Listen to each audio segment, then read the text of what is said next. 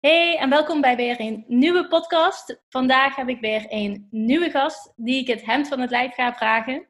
En dit keer is dat Charmaine, beter bekend als Charles Coaching op uh, Instagram. Welkom in mijn podcast. Ja, dankjewel. Superleuk dat ik er mag zijn en dat de rollen zijn omgedraaid. Jij bij mij en ik nu bij jou. Dus dat vind ik wel superleuk om uh, geïnterviewd te worden. Ja, ik ben laatst inderdaad bij jou uh, in de podcast geweest. Superleuk dat je nu hier bent. Um, hoe ben je de dag vandaag begonnen? Um, even denken hoor. Ik werd vanochtend wakker en wat ik eigenlijk doe, wat je ook in mijn uh, aflevering zei bij mij, is nu morning pages schrijven. Dus als ik wakker word, het eerste wat ik doe als ik wakker word en ik ben heel bewust daarvan, ga ik allemaal dingen zeggen. Oh, is weer een nieuwe dag, ben er zo blij voor. Om mezelf een soort van positieve staat te brengen. En dan pak ik gelijk mijn journal en pen en ga ik gewoon drie bladzijden vol schrijven. Al is het van, ik ben nu aan het schrijven, net wakker en ik weet eigenlijk niet waar ik over moet schrijven. Ga ik dat gewoon opschrijven en dan zorg ik ervoor dat ik dus met een heel leeg hoofd de dag begin. En ik heb nu een e-book dat ik lees. En dat gaat heel erg over, uh, een soort cursus is dat, om meer in contact te komen met je spirituele kant. Dus elke dag zijn er verschillende onderwerpen waar ze over vertelt. Dus daar heb ik een stuk van gelezen. En toen ben ik eigenlijk uh, nog een beetje gaan stretchen en douchen en omkleden en content gemaakt voor uh, Instagram. Dus dat is tot nu toe mijn ochtend eigenlijk geweest. Oké, leuk. Ja, het schrijven is altijd een hele goede tip om je hoofd goed uh, leeg te maken. En wat je net al benoemde, het e-book met het ontdekken van je spirituele kant, daar ben ik ook heel benieuwd naar. Ik heb er zo een aantal vragen over. Uh, maar eerst nog even voor de luisteraars die jou wellicht nog niet kennen, kun je nog even vertellen wat je precies doet en wie je helpt? Ja, zeker. Nou, ik ben dus Charmaine en ik help, uh, ik heb verschillende doelgroepen eigenlijk op dit moment. Dus ik laat mensen kennis maken met spiritualiteit. Dus mocht jij iemand zijn die denkt, oh, ik vind spiritualiteit leuk, maar wat heb je nou allemaal?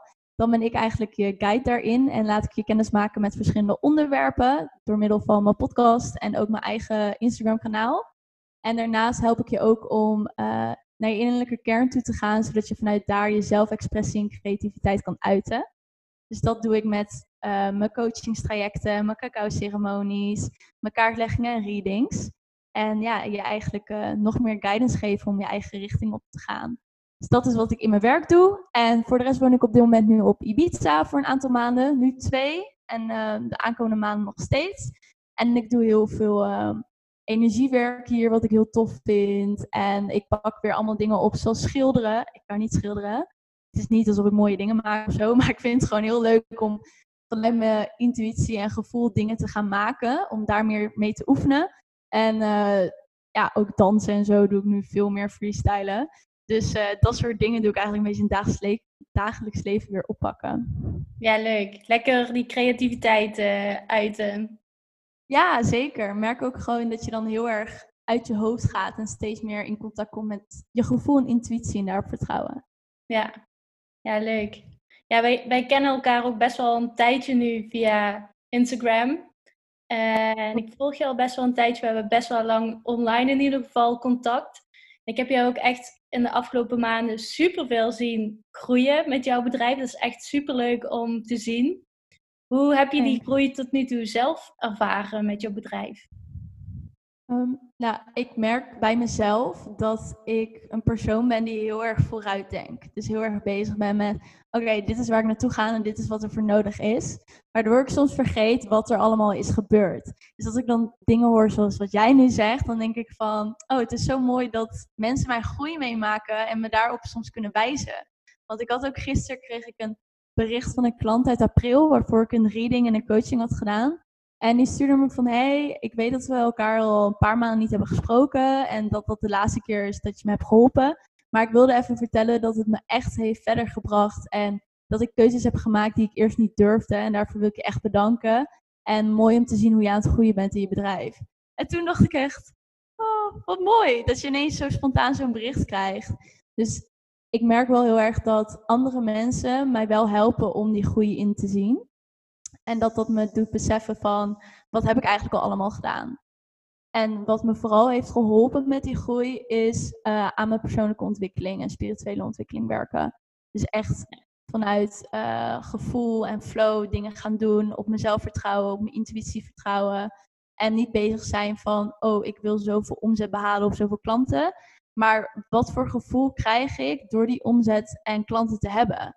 En dat heb ik voor mezelf heel duidelijk. En dat gevoel probeer ik op een dagelijkse basis en in mijn bedrijf te creëren. Ja, ja leuk om te horen ook. Ik ben er zelf ook steeds meer mee bezig om meer op flow te doen. En vanuit enthousiasme van waar je blij van wordt. En gewoon je creativiteit uiten. Want uiteindelijk gaat daar ook je bedrijf heel erg van groeien. In plaats van juist heel erg op strategie en bepaalde doelen bijvoorbeeld. Supergoed om te hebben natuurlijk. Maar uh, ja, als je te veel daarop gaat focussen, dan kan het ook zijn dat je die flow juist gaat verliezen. Dus mooi om te zien dat je daar juist vanuit onderneemt. Ja, zeker. En wat je ook zegt, strategieën en doelen zijn natuurlijk logisch, want je blijft ondernemer en het moet ook wel zakelijk zijn. Maar het moet niet het enige zijn, want dan ga je heel erg de drive missen waarom je iets doet eigenlijk. Ja, ja precies. Hoe ben jij, want jij bent vlak uh, na je, of tijdens je studie al begonnen met ondernemen. Hoe ben je tot die beslissing gekomen om tijdens je studie al um, ja, richting het ondernemen en het coachen te gaan? Nou, ik heb uh, toegepaste psychologie gestudeerd. Dus ik kreeg al training en coaching tijdens mijn opleiding. Dus ik was al mee bekend. En mijn moeder heeft natuurlijk ook het eigen coachbedrijf. Dus ik had er al wel interesse naar. Want ik merkte dat coaching, ja, dat ik dat het allerleukste vond. Omdat je iemand vanuit zijn eigen kracht helpt om antwoorden te vinden en actiestappen te ondernemen. En toen was ik voor mijn stage in het derde jaar naar Barcelona gegaan. Dus ik heb daar eerst gereisd en toen kwam ik in Barcelona aan. En toen merkte ik bij mezelf dat ik uh, heel erg van mezelf afstond. Ik had een soort van dissociatie, waardoor alles een beetje niet echt voelde. En ik voelde me niet lekker in mijn vel. En ik dacht, waar komt dit vandaan? En toen ben ik met een psycholoog gaan praten daar en zijn we wat dingen gaan onderzoeken.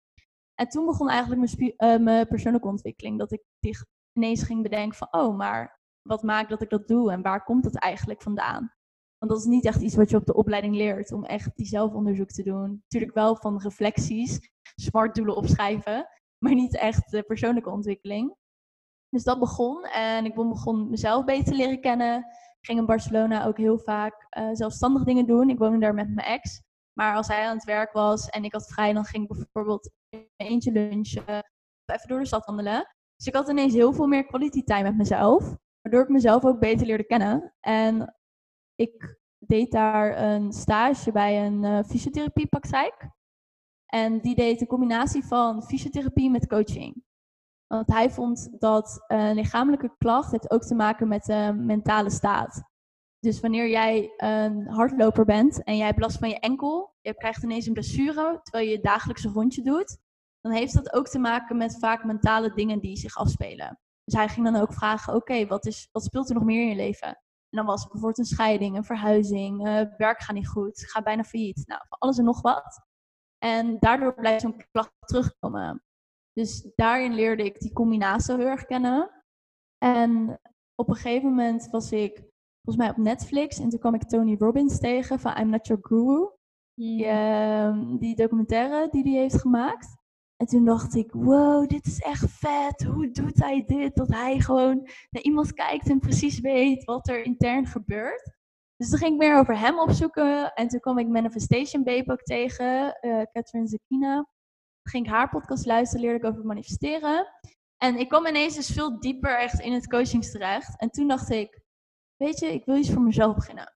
Ik weet niet hoe of wat, maar ik wil dat gewoon heel graag. Ik, ineens kwam dat heel erg omhoog. En toen had ik het ook met mijn ouders over. En mijn stiefvader zei ook van ja, weet je, waarom niet? Doe het lekker. Je bent nog gaan studeren. Je hebt alle ruimte nu eigenlijk om het uit te proberen. Je hebt geen vaste baan, dus je kan er nu nog mee spelen. Dus zodoende kwam dat idee omhoog. En toen was ik terug in Nederland, ging ik weer stage lopen in Amsterdam bij een, uh, een praktijk waar ik trainingen en coaching ook weer ging geven. Nou, ging ik mijn naam bedenken, ging wat meer delen van hey, ik wil eens voor mezelf beginnen. Ik had me aangemeld voor een minor NLP, dus ook meer daar die richting op gaan. En zodoende kwam dat idee steeds meer omhoog en kreeg een richting.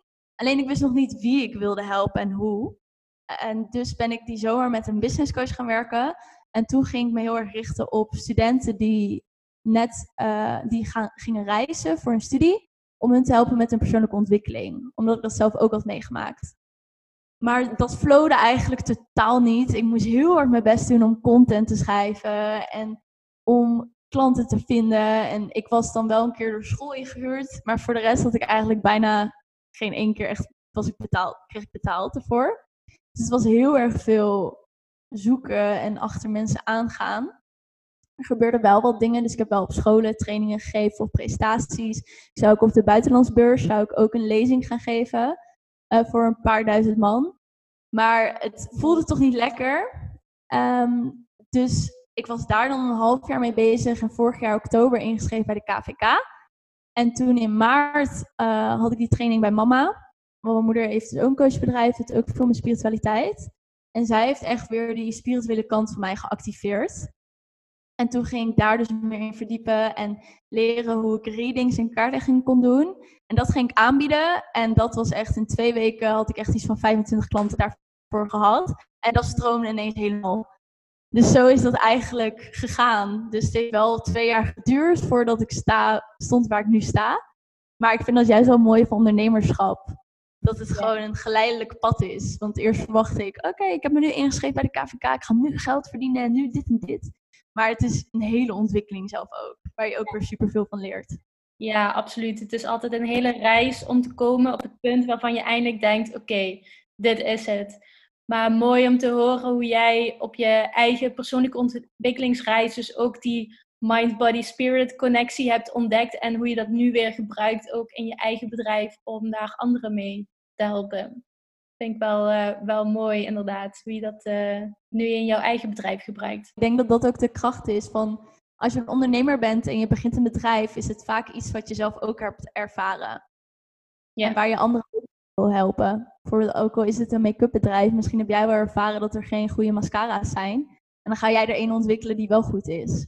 Ja, het is vaak uh, je eigen reis of transformatie waar je doorheen bent gegaan, wat je kunt gebruiken voor uh, ja, waar je anderen mee kunt helpen. Ja, ja, precies. Zijn er bepaalde obstakels die jij in het ondernemen bent tegengekomen of bepaalde overtuigingen van jezelf waar je echt doorheen moest breken?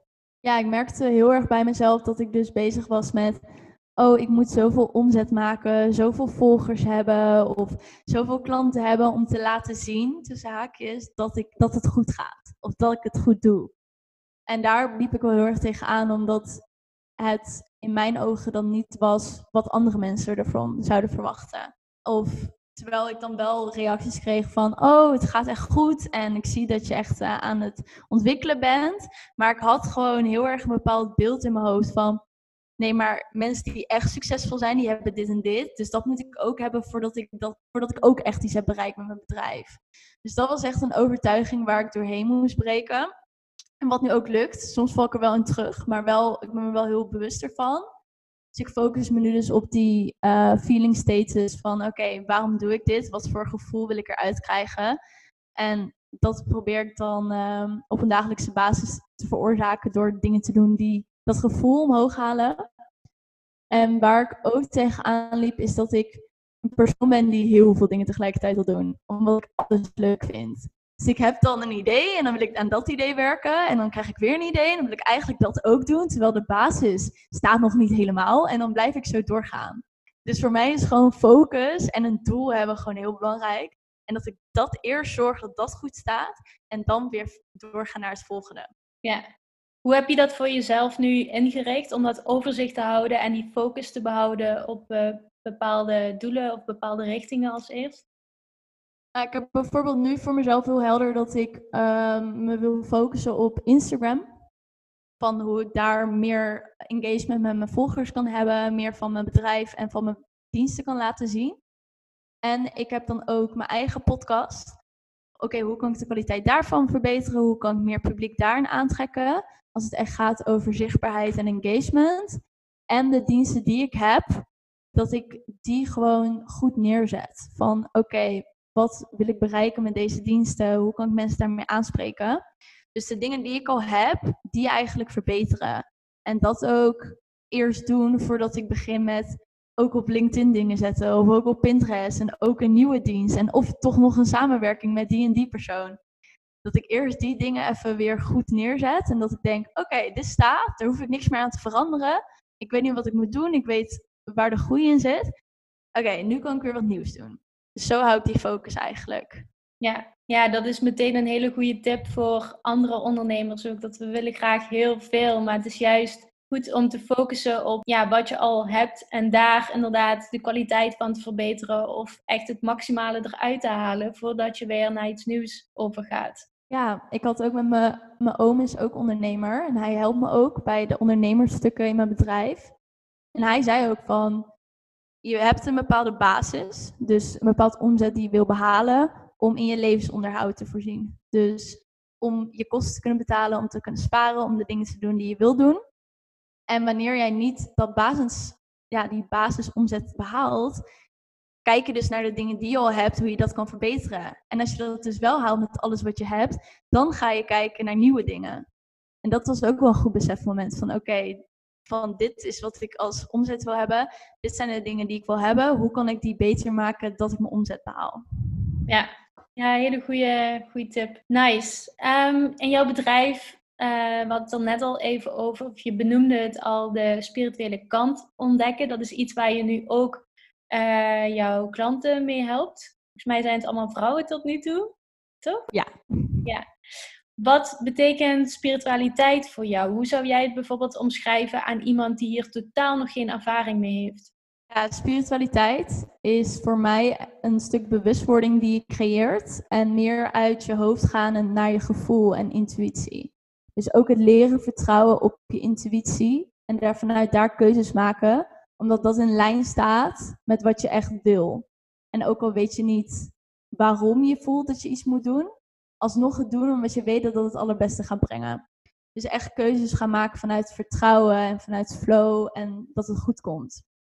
Dus dat zorgt ervoor dat je veel meer vanuit rust ook dingen kan ervaren. Dat is voor mij spiritualiteit, bewustwording, connectie met jezelf en vanuit flow dingen gaan doen. En ik vind ook dat spiritualiteit, dat daar. Ik had het gisteren nog met iemand over. Van spiritualiteit is echt zo erg veranderd de laatste jaren.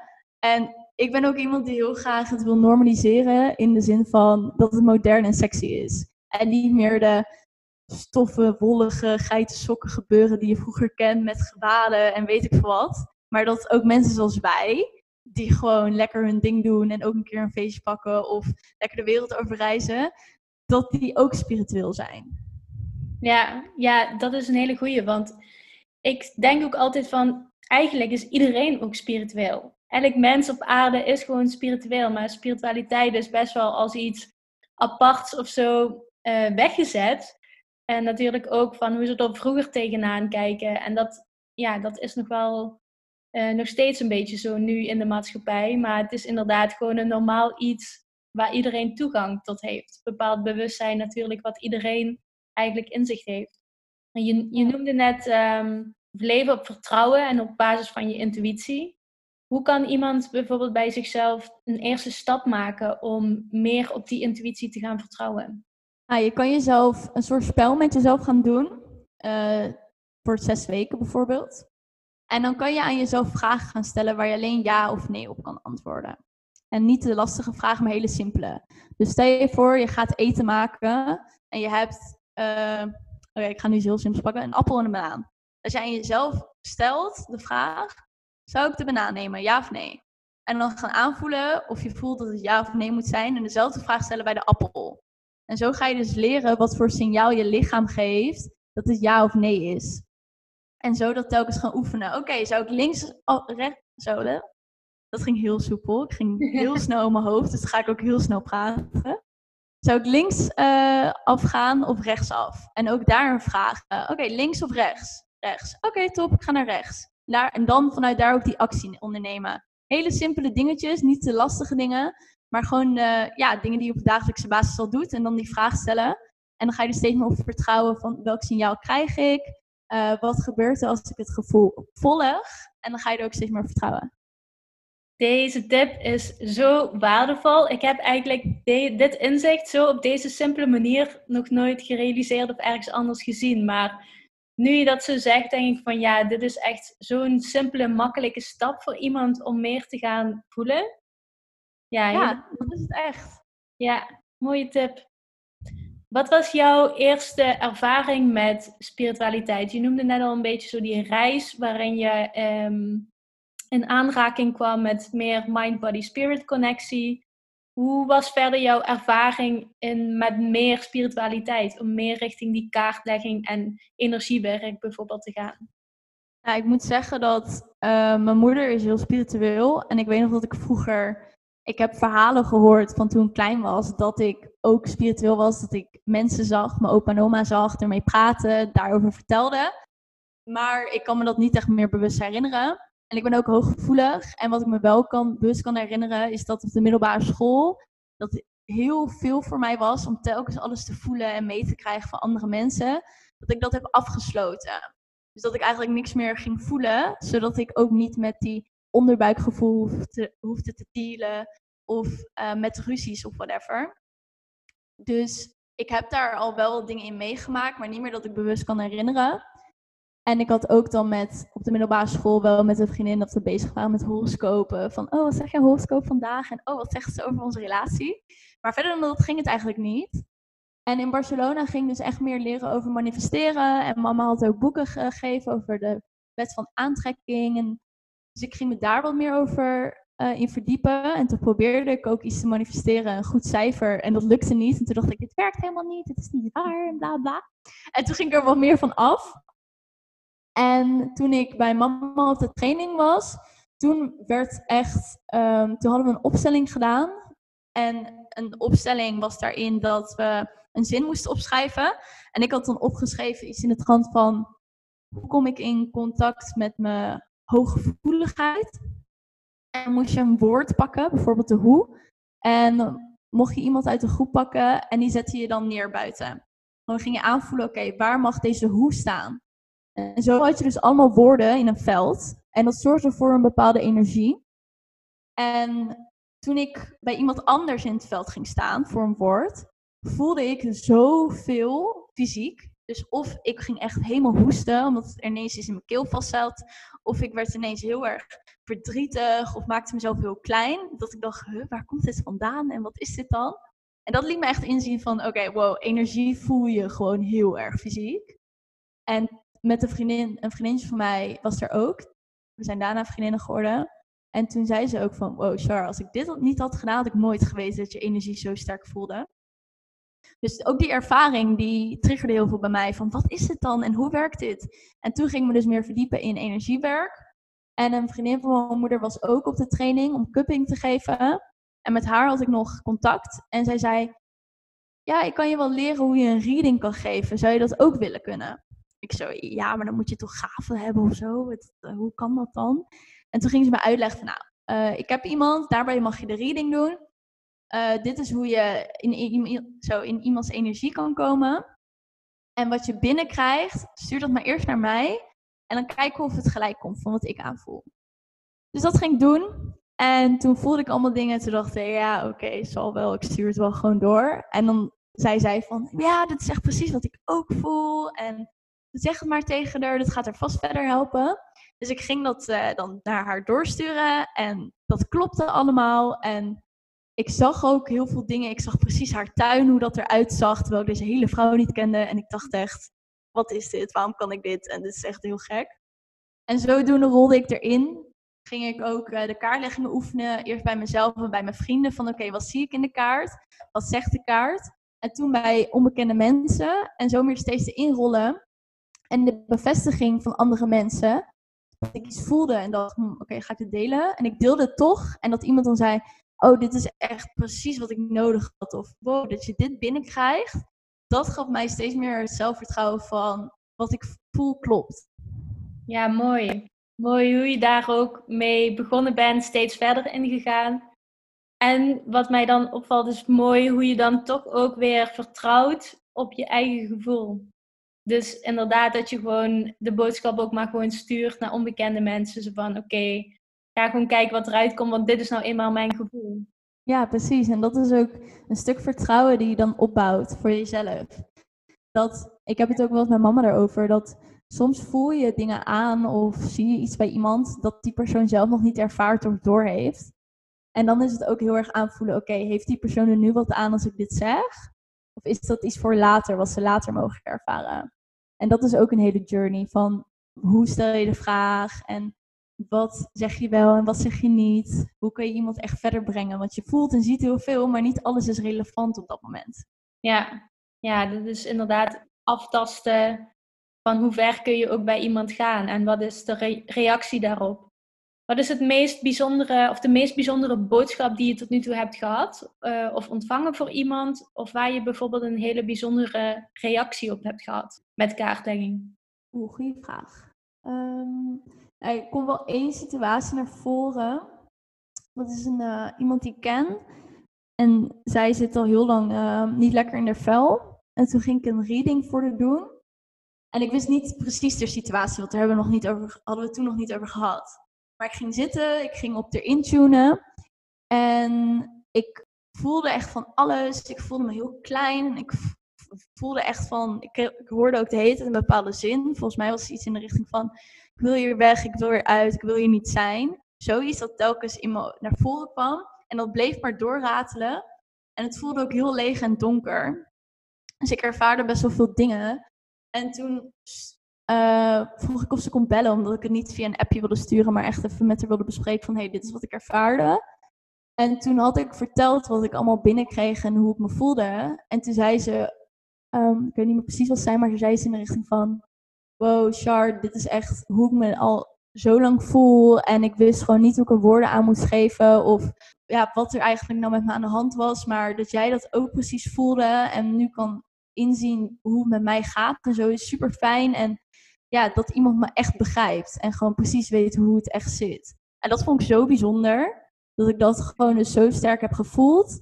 En haar een soort van comfort kon geven van, hé, hey, weet je, ik snap nu hoe je je voelt.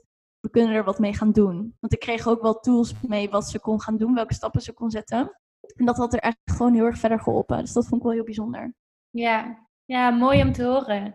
En ook, want ik hoor dit vaker ook van mijn klanten, dat ze, ehm, dat ze niet goed weten hoe ze moeten voelen. Of hoe ze inderdaad zich moeten uiten. Of wat voor woorden ze moeten geven aan wat ze precies voelen. Dus ja, een stukje herkenning en ook wat jij zegt van zij voelt van alles, maar ze kon er niet echt de woorden aangeven. Het is mooi dat jij dat dan voor haar hebt kunnen doen. Ja, en dat vind ik ook mooi aan die readings en kaartleggingen. Het zijn vaak ook een soort bevestigingsmomenten van het nu. Van wat, is er, wat speelt er nu en welke stap kan je zetten om verder te komen. En dat is voor heel veel mensen gewoon fijn, want we zijn continu wel op zoek naar bevestiging van dingen. En dan is zoiets gewoon super fijn van herkenning of bevestiging te krijgen.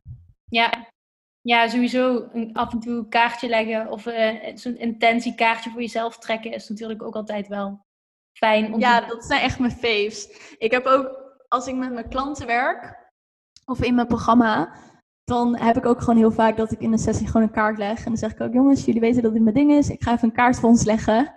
En dat vind ik gewoon zo fijn om meer verdieping of richting en zo te krijgen in de sessie ook. Ja, leuke combi ook om te gebruiken lijkt me. En ehm, het energiewerk, want je bent er nu ook wat meer mee bezig. Hè? Gebruik je het ook al nu met jouw klanten? Nee, ik heb ja, ik voel wel energie aan. Dus ik doe daar op basis daarop doe ik wel mijn coaching sessies. Dus dat je echt een energetische coachsessie kan krijgen. Dat ik aanvoel op je energie wat er speelt, waar je aan kan werken. En dat we daarop gaan verder coachen. Maar ik doe nog niet energieheling. Ik heb wel Reiki 1 gedaan. En ik heb wel met mezelf afgesproken dat ik, uh, dat ik het wel meer ga oefenen. Omdat ik wel weet dat mijn kracht daarin zit. Ehm, en ik ga ook een aura en chakra healing opleiding doen. Maar ik merk dat ik daar nog een beetje onzeker in ben. Van, oh, en hoe werkt dat dan precies? Terwijl het antwoord ligt al in jezelf. Als ik erom vraag, zou ik het gewoon kunnen. Maar ik merk dat ik het toch wel spannend vind. Van, oh, gaat er wel echt iets bij iemand gebeuren? En kan ik wel echt, kan ik dit wel echt? Dus dat is voor mij op dit punt nog een soort journey onderzoek daarin. Ja, heel herkenbaar. Op, op dat punt zit ik ook precies uh, op dezelfde reis. Ik heb ook Reiki 1 gedaan en ik weet dat ik ook meer die richting op mag gaan met ook energy healing. Maar ik vind het ook nog best wel spannend inderdaad, om dat echt één op één te gaan doen. En ook zeker te weten dat je iets goed aanvoelt en dat ook kunt begeleiden. Want je gaat wel werken met iemand anders zijn energie. Dus ik, ja, ik vind het zelf ook heel belangrijk om dan uh, I don't know, wat meer te oefenen of zo. Ja, zeker. En ook wat je zegt, je werkt met iemands anders energie. Dus het is ook heel belangrijk dat jouw energie goed is. Dat jij gegrond bent, dat jij die connectie hebt. En ik merk wel hier op Ibiza, omdat ik zoveel energiewerk doe, dat uh, bij mezelf, dat ik wel meer die connectie ook voel en dat vertrouwen wel langzamerhand krijg. Maar het is niet alsof ik zeg, oké, ga maar liggen, nu ga ik het gelijk doen. Dat zou ik nog niet durven. Ja, nou ja, kun je ook weer beginnen zoals je al het andere bent begonnen met vrienden of bekenden en vanuit daar gaan uh, opbouwen. Ja, ik ga toevallig uh, vanmiddag bij iemand een reiki-behandeling doen om het echt weer te oefenen. Dus ik ben wel echt bezig om het weer op te pakken. Um, en ik wilde nog iets zeggen. Oh, ik ben het even kwijt. Maar net. Nee, komt het zo, uh, zo weer. Wat is het meest bijzondere dat jij zelf uh, hebt meegemaakt qua, ja, noem het even, spiritualiteit, energie voelen, bijzondere ervaringen van um, ja, het, het energieveld dat er is, bijvoorbeeld. Wat is daarin het meest bijzondere dat jij tot nu toe ervaren hebt? Ja, ik heb twee ervaringen. Dat was aan het begin, na die training, dat ik dus me er meer erin ging verdiepen. Ik, ben, uh, ik zag toen op iemands kanaal, in de story zag ik cacao, de plantmedicijn, waarmee ik nu ook sa samenwerk. En toen dacht ik, wat is dat? Gaat ze chocola eten en een, een ceremonie doen? Wat is dat dan precies? Dus ik heb hem een bericht gestuurd en toen zei die persoon van ja, dat is dit en dit. En ik kan wel aanraden om eerst een ceremonie bij iemand te doen, dus dat je leert hoe het werkt, en dan thuis er eentje te doen. Maar ik ben eigenwijs, dus ik dacht, nou, ik ga er eentje thuis doen. Ik ga het gewoon opzoeken en dan ga ik het zelf doen. Dus ik had die cacao besteld.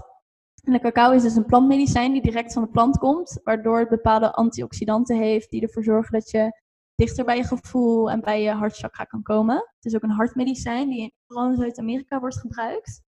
Voor de luisteraar.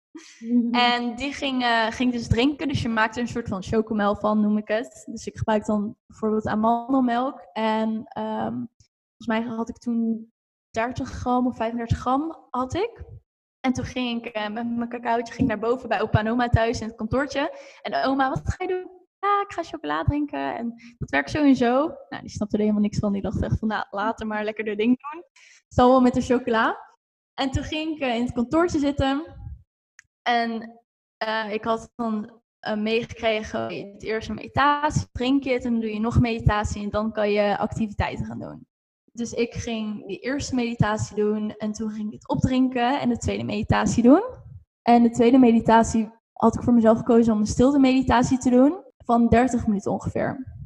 Dus ik ging die meditatie in en ik zat daar gewoon mijn ogen dicht zo van, nou oké, ik ben lekker aan het mediteren en ja, kijk wel wat er gebeurt. En ik weet niet hoe lang ik bezig was, ik denk misschien een kwartier of zo.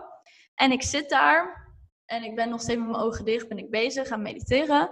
En ik voel ineens uit het niets, links en rechts van me, twee energieën. Dat, ik kan het ook niet echt omschrijven hoe dat dan voelt, maar ik voelde gewoon dat er een soort aanwezigheid kwam.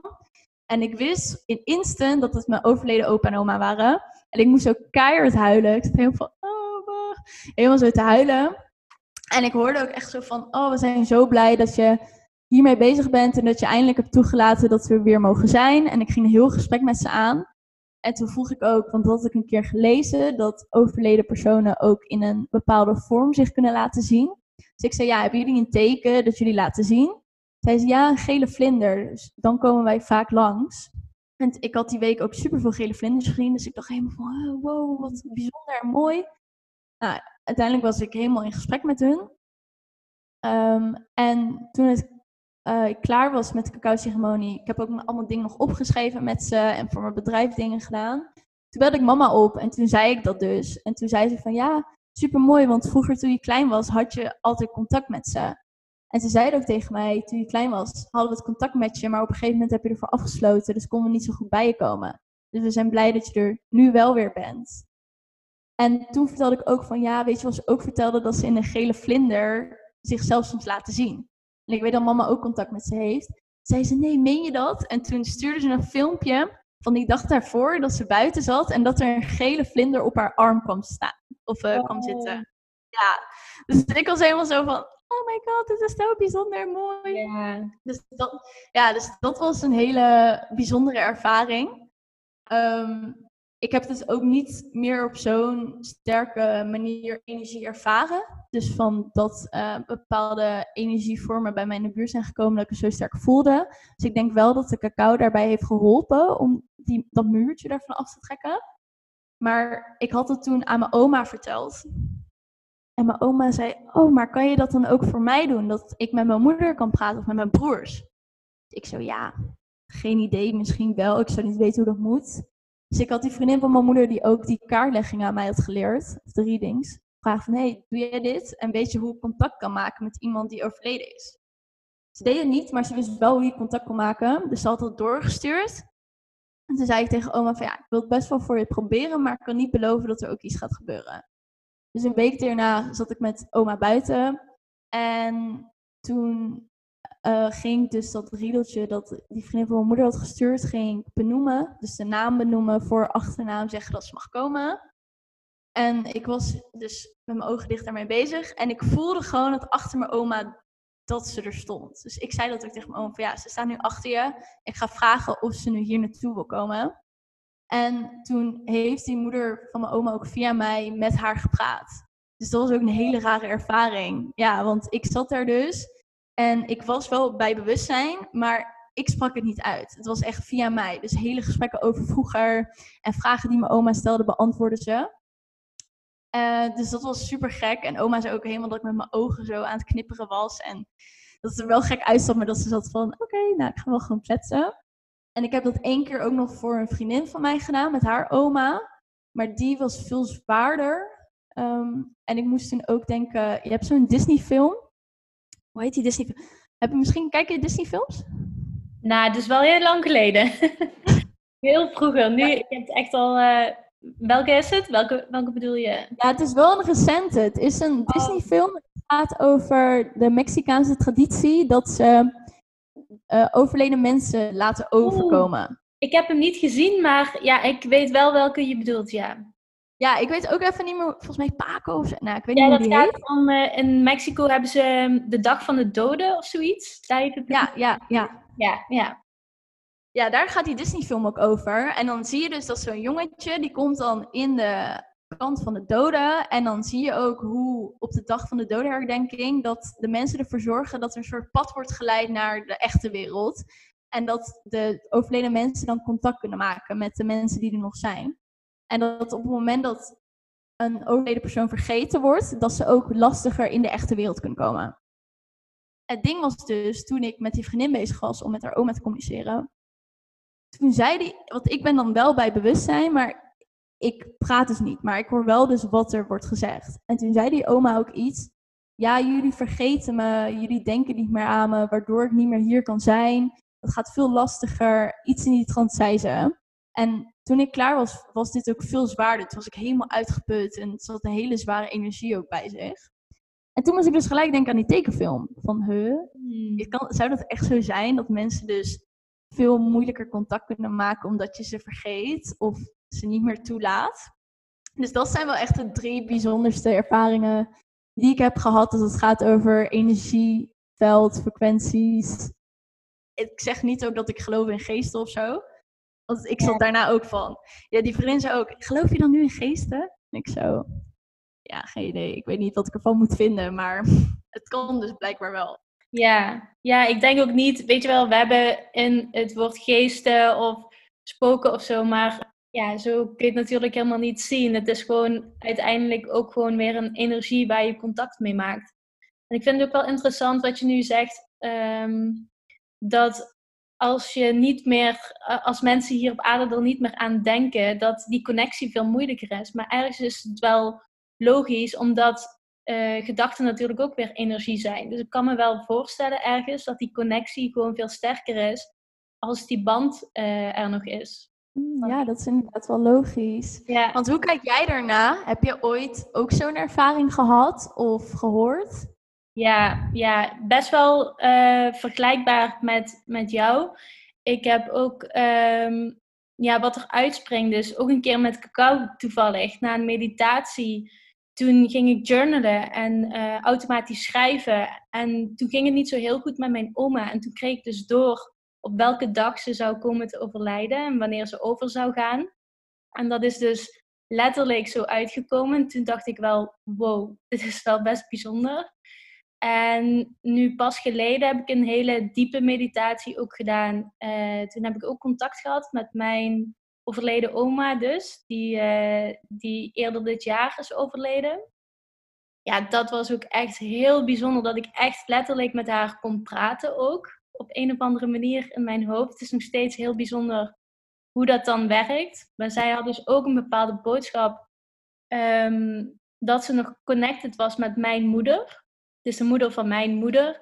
En mijn moeder, ik vertelde dat tegen mijn moeder. En mijn moeder zei van ja, die was dus ook bij iemand die kaarten legt geweest. En die zei exact hetzelfde.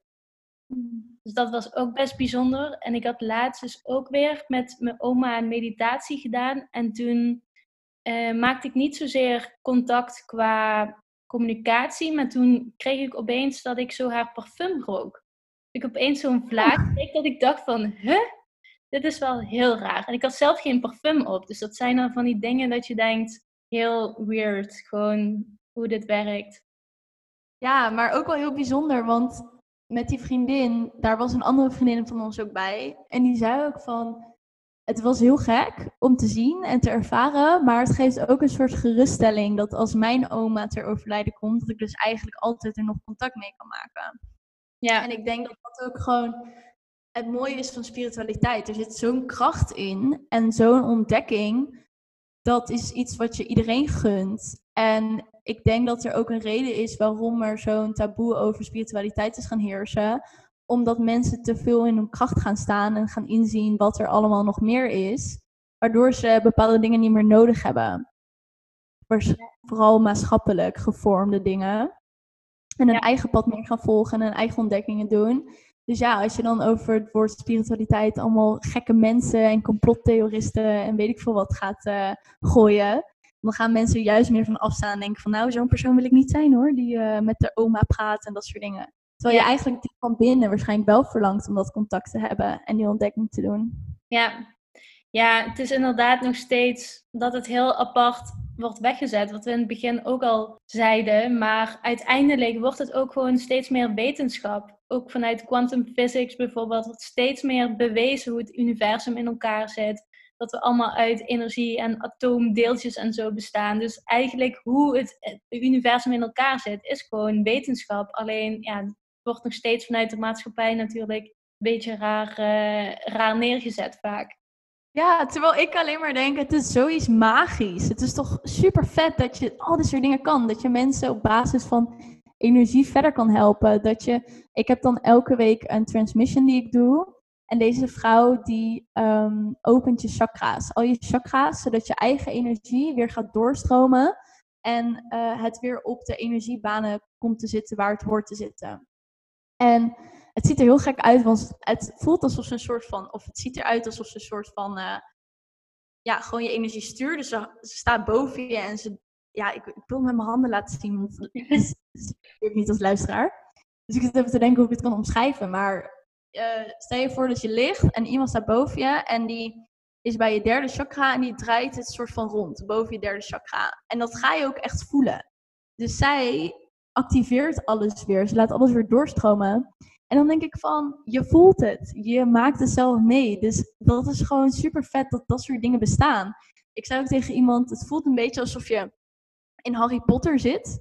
Dus dan heb je de dreumels. En je hebt de mensen van Harry Potter die in dat kasteel en zo zitten. En soms voel ik me zo, alsof er dan nog mensen zijn die dreumels zijn. Maar eigenlijk heel graag mee willen naar het Harry Potter kasteel maar eigenlijk dat niet durven, omdat ze niet weten wat er te wachten staat. Ja, ja dat is wel een goed voorbeeld, inderdaad. mooie, mooie vergelijking. Ja, ja. vraag ook dat mensen het als iets engs of zo ervaren, maar eigenlijk is het dat niet. Want als ik ook bedenk, buiten die ervaringen ook met mijn oma, heb ik ook vaker een, als ik echt diepe meditaties doe, heb ik soms, maak ik ook een connectie en heb ik hele gesprekken of zo. Of dan ga ik naar een plek maar het voelt altijd super liefdevol. Het voelt altijd gewoon heel goed en vredig. En het is nooit dat het fout voelt. En ja, er zijn uiteraard wel dat je je voor energie kunt of moet beschermen in sommige gevallen. Maar ja, het is juist helemaal niet iets wat eng is, bijvoorbeeld. Nee, en ik denk ook dat het heel belangrijk is om vanuit liefde ook heel erg te leren leven. En dat klinkt heel logisch, van oh, daar komt ze met spiritualiteit en liefde. Maar dat is gewoon op basis van energie het hoogste energie. Ik heb ook, ik snap, ik kan me wel voorstellen dat mensen het ergens eng vinden. Om, ik heb ook wel verhalen gehoord dat het gewoon best wel eng is. Dat bijvoorbeeld een vriendin van mij aan het mediteren is. En die ziet ineens een gezicht voor haar, voor haar. Van een heel eng gezicht. En daar moest ik echt tegen zeggen van, ik laat dit soort energieën niet toe. Alleen maar liefdevolle en positieve energieën.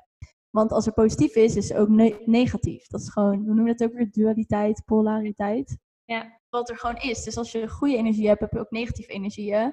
En ik heb ook een andere meisje die ik ken, die heeft ook op Bali gezeten. En die is daar behekst met zwarte magie.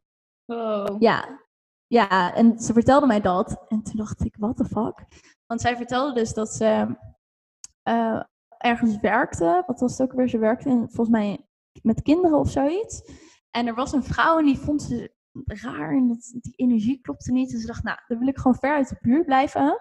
En toen was er iets gebeurd met iemand daar. Die was ook overleden. En die rare vrouw was er ook bij en zo. En ja, ik weet niet meer precies wat er gebeurde, maar daar gebeurde iets. En toen na dat moment ervaarde ze echt geheugenverlies. Ze, ging, ze sprong dan ineens achter op de scooter van de scooter vandaan. Ze begon te schuimbekken. Allemaal van dat soort rare dingen. Dat ze echt dacht, wat de fuck is met mij aan de hand? Dit is echt niet goed. En toen ging ze naar iemand toe die dan ook bezig was met energiewerken en dat soort dingen. En ze vertelde van, dit is de afgelopen drie dagen aan de hand. Het gaat echt niet goed, er is iets aan de hand. En toen zei ze ook van, ja, je hebt zwarte magie in je, dat moeten we nu eruit gaan halen. En toen hebben ze een heel ritueel bij haar gedaan en daarna was ze ook nergens meer last van. Maar ze denkt dus dat die vrouw dat aan haar heeft gegeven, omdat een soort oh. akkefiet was gebeurd. Ja. Wow, heftig man. Ja, super heftig. En dat klinkt ook echt zo dat je denkt, hè, is dit een film of zo? Hoe kan dit? Ja. Ja, want ik zei, als je positieve energie hebt en je kan iemand op een positieve manier helpen om beter te worden, kan je ook negatieve energie aan iemand geven.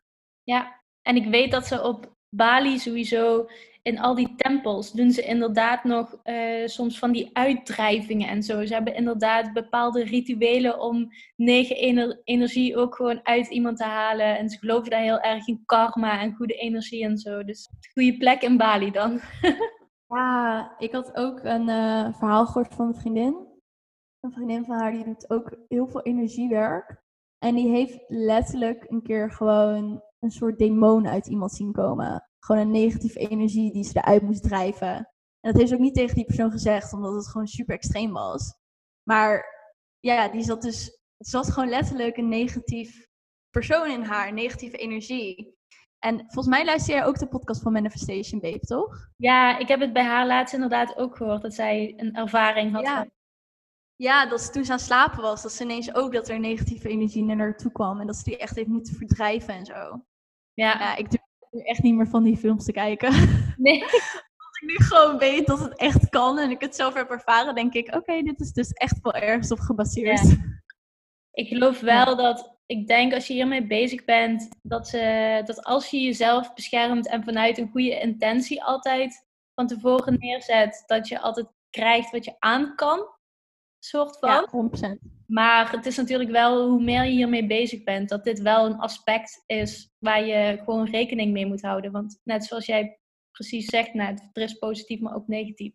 Ja, zeker.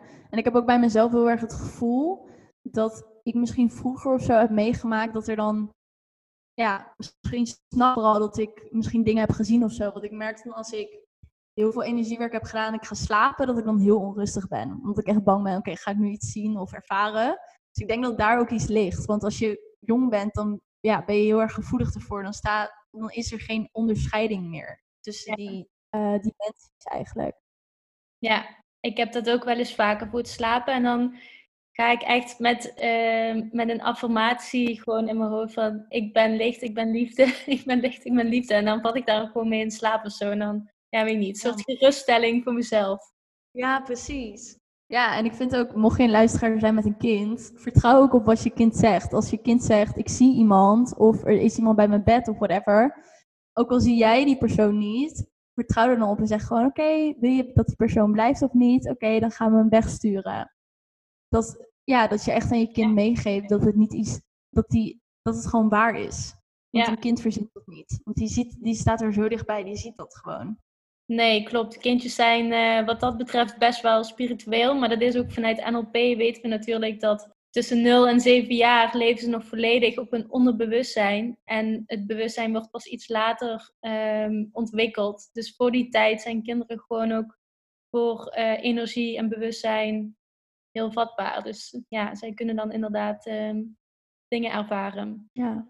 Ehm, even kijken wat voor vragen ik nog had. Je zei net al de cacao noemde je. Volgens mij heb ik dat trouwens voor het eerst ook bij jou eh, gezien online. En sindsdien doe ik het dus ook regelmatig thuis.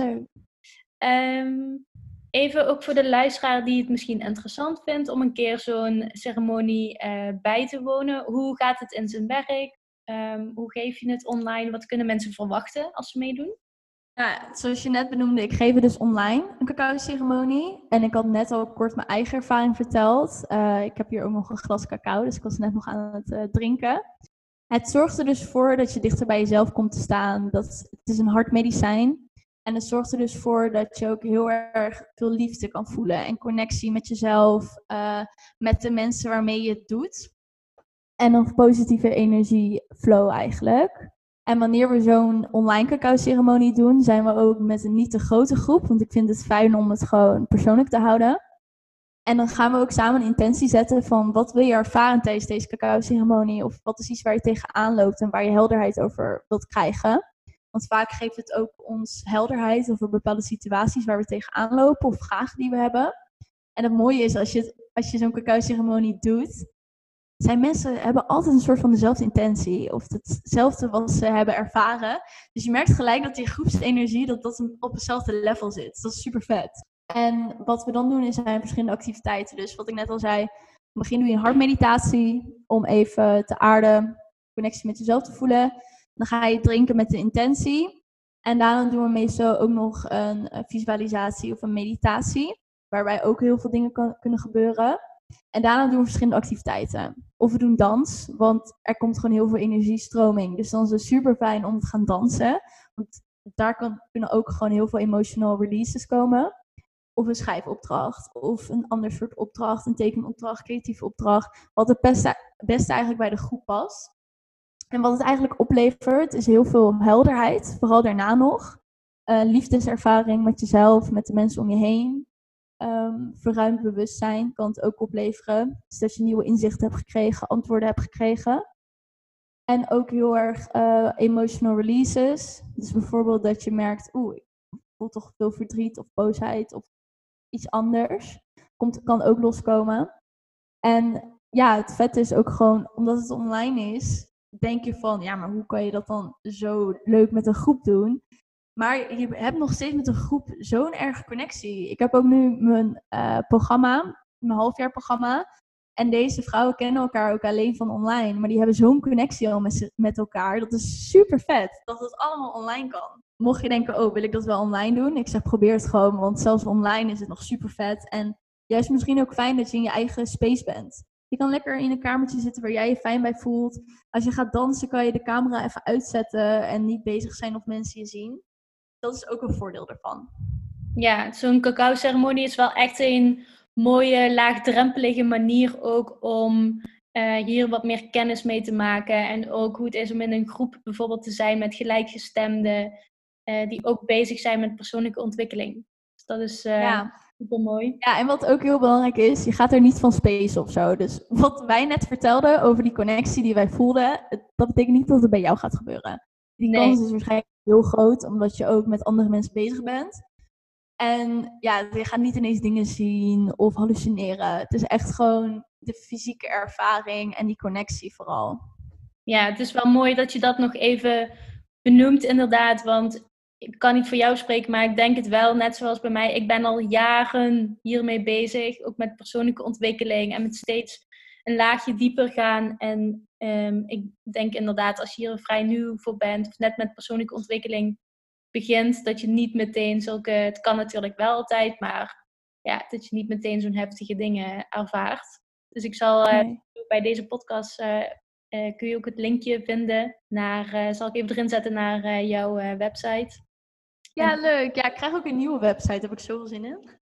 Oeh, spannend, leuk. Ja, veel mooier en moderner. Dit is echt iets wat ik zelf in elkaar heb gezet. En nu gaat mijn oom helemaal een website maken. Dus ik, ja, ik zag het inderdaad op Instagram al, dat je lekkere frisse wind in had gegooid.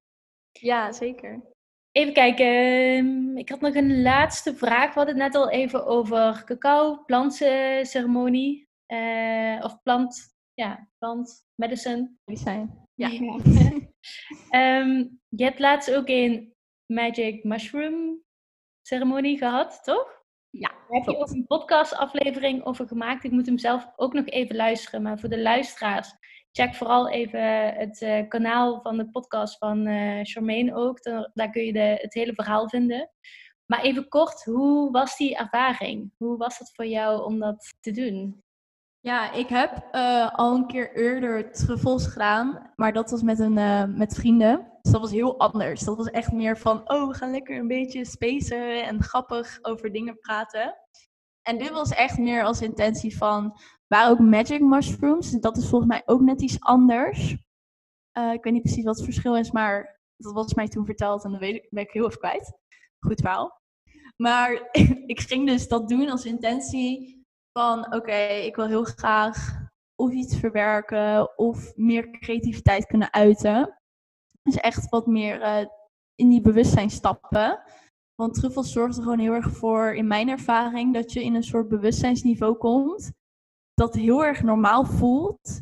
Alsof je een soort zonfilters ineens bent. Dus je hebt dat genomen en begint te werken. En je gaat ineens denken, dingen zeggen, dingen begrijpen zonder alle filters die je om jezelf hebt heen gecreëerd.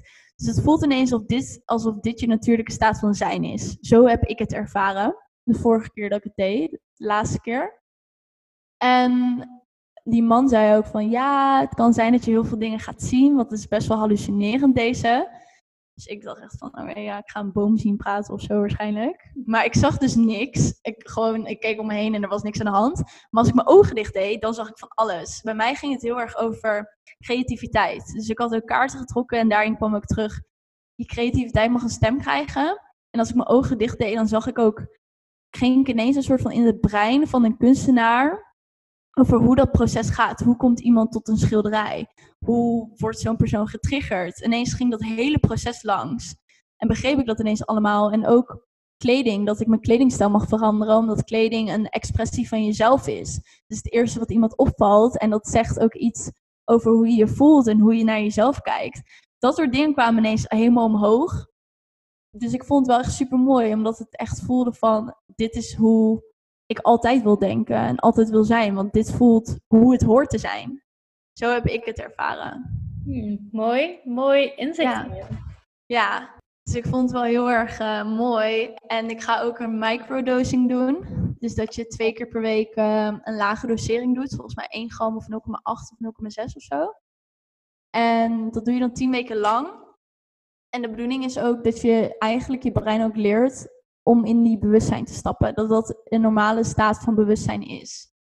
Dus ik ben ook benieuwd hoe dat gaat zijn, want het moet nog aankomen. En ik doe het ook onder begeleiding. Maar ik heb er wel echt heel veel zin in. Ja, ja zo interessant ook. Sowieso plant medicine en beetje dat, die kant ontdekken staat bij mij ook nog wel op mijn lijstje. Omdat ik ook gewoon heel benieuwd ben naar ja, wat, welke voordelen kun je daaruit halen wat gewoon op aarde groeit, zeg maar. Ja, het is echt super vet. Ik heb ook, we wilden het eigenlijk één op één doen met begeleiding.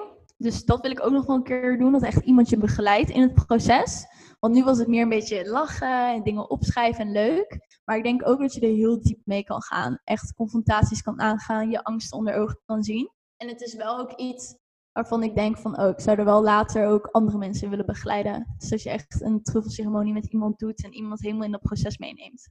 Ja, ja, dat is vaak wel belangrijk bij dat soort dingen, dat er gewoon een goede begeleiding is. In ieder geval, je, er kan heel veel omhoog komen, dus uh, het is wel zo fijn als er fijne begeleiding bij is. Ja, zeker. Leuk, interessant. Nou, als laatste, waar droom jij nog van? Waar droom ik nog van? Nou, ik heb heel erg duidelijk hier gekregen dat ik ervan droom om gewoon bijvoorbeeld zo'n busje te kopen, dat lekker om te bouwen en dan rond te gaan reizen door Europa. En ja, gewoon op verschillende plekken te gaan werken. Dus drie maanden daar naartoe, vanuit daar werken. En ook verder gaan in de ontdekking van spiritualiteit. Dus inderdaad nog meer bijzondere manieren van spiritualiteit ervaren. Ja, mooi. Wat voor een uh, advies zou jij jouw jongeren zelf geven? Als je nu terugkijkt met de reis die je hebt gemaakt. Ik denk dat ik iets zou zeggen van... Uh, het wordt beter dan dit. Iets in die richting. Dat is, ik denk niet dat mijn jongeren zelf daar heel blij van wordt. Die zit waarschijnlijk van, ja, maar wat wordt dan beter? Maar ik zou iets in die richting zetten. Van het wordt leuker en beter dan wat het nu is. Ja, misschien meer van probeer ook een beetje te genieten in het moment waar je op dat moment bent. Want er is altijd verbetering uh, wat op je pad ligt, zeg maar. Ja, Want in ja dat, dat is ook wel mooi. Hè? lijkt het natuurlijk zo van, ah, wat moet ik? Wat wil ik? Ja, en vooral, ja, en vooral als je jong bent, want ik ben dan 22, dus als ik dan echt denk aan mijn jongeren zelf, dan ben je echt een puber of zo, of eind basisschool. Dus dan is, ja, dan ben je met zulke andere dingen bezig. En dan is alles drama. En je vriendinnen en vriendjes zijn het allerbelangrijkste en zo. Dan denk ik van, meid, het wordt echt beter dan dit. Komt zoveel mooie dingen op je pad. Ja, ja, precies. Heb je nog andere tips of advies die je de luisteraars zou willen meegeven? Wat ik echt het allerbelangrijkste vind om mee te geven is, als je angst voelt, doe het. Als jij een bepaald idee hebt van ik wil dat graag doen, of ik weet veel dat je kantoorbaan hebt, maar je wilt heel graag danseres worden, doe het. Ga elke avond na je werk lekker dansen of dansles nemen. Doe de dingen waar je blij van wordt. En ga de angst onder ogen komen, want die angst probeer je in je comfortzone te houden en daar gaat niks gebeuren. Ja, ja sowieso een hele mooie om mee uh, af te sluiten. Mijn coach zei ook altijd van, stel een doel dat scary en exciting is. Want als het alleen exciting is, dan houdt het je nog te veel in je comfortzone. Maar juist als je ook die angst onder ogen gaat zien. En ja, dat daar toch ook wel de groei zit van de dingen die je wilt behalen. Dus um, ja, ja leuke, leuke, laatste tip. Ja. Nou, super bedankt dat je in mijn podcast wilde zijn. Ik vond het echt een heel mooi gesprek met heel veel mooie inzichten en heel veel mooie gelijkenissen en herkenning. In ieder geval voor mij persoonlijk. Dus ik vond het heel leuk uh, om je in mijn podcastaflevering te hebben.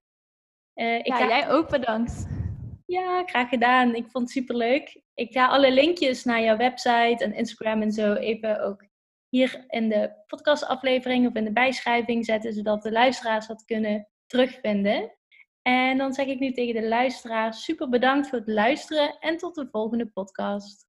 Yeah, see you. Bye.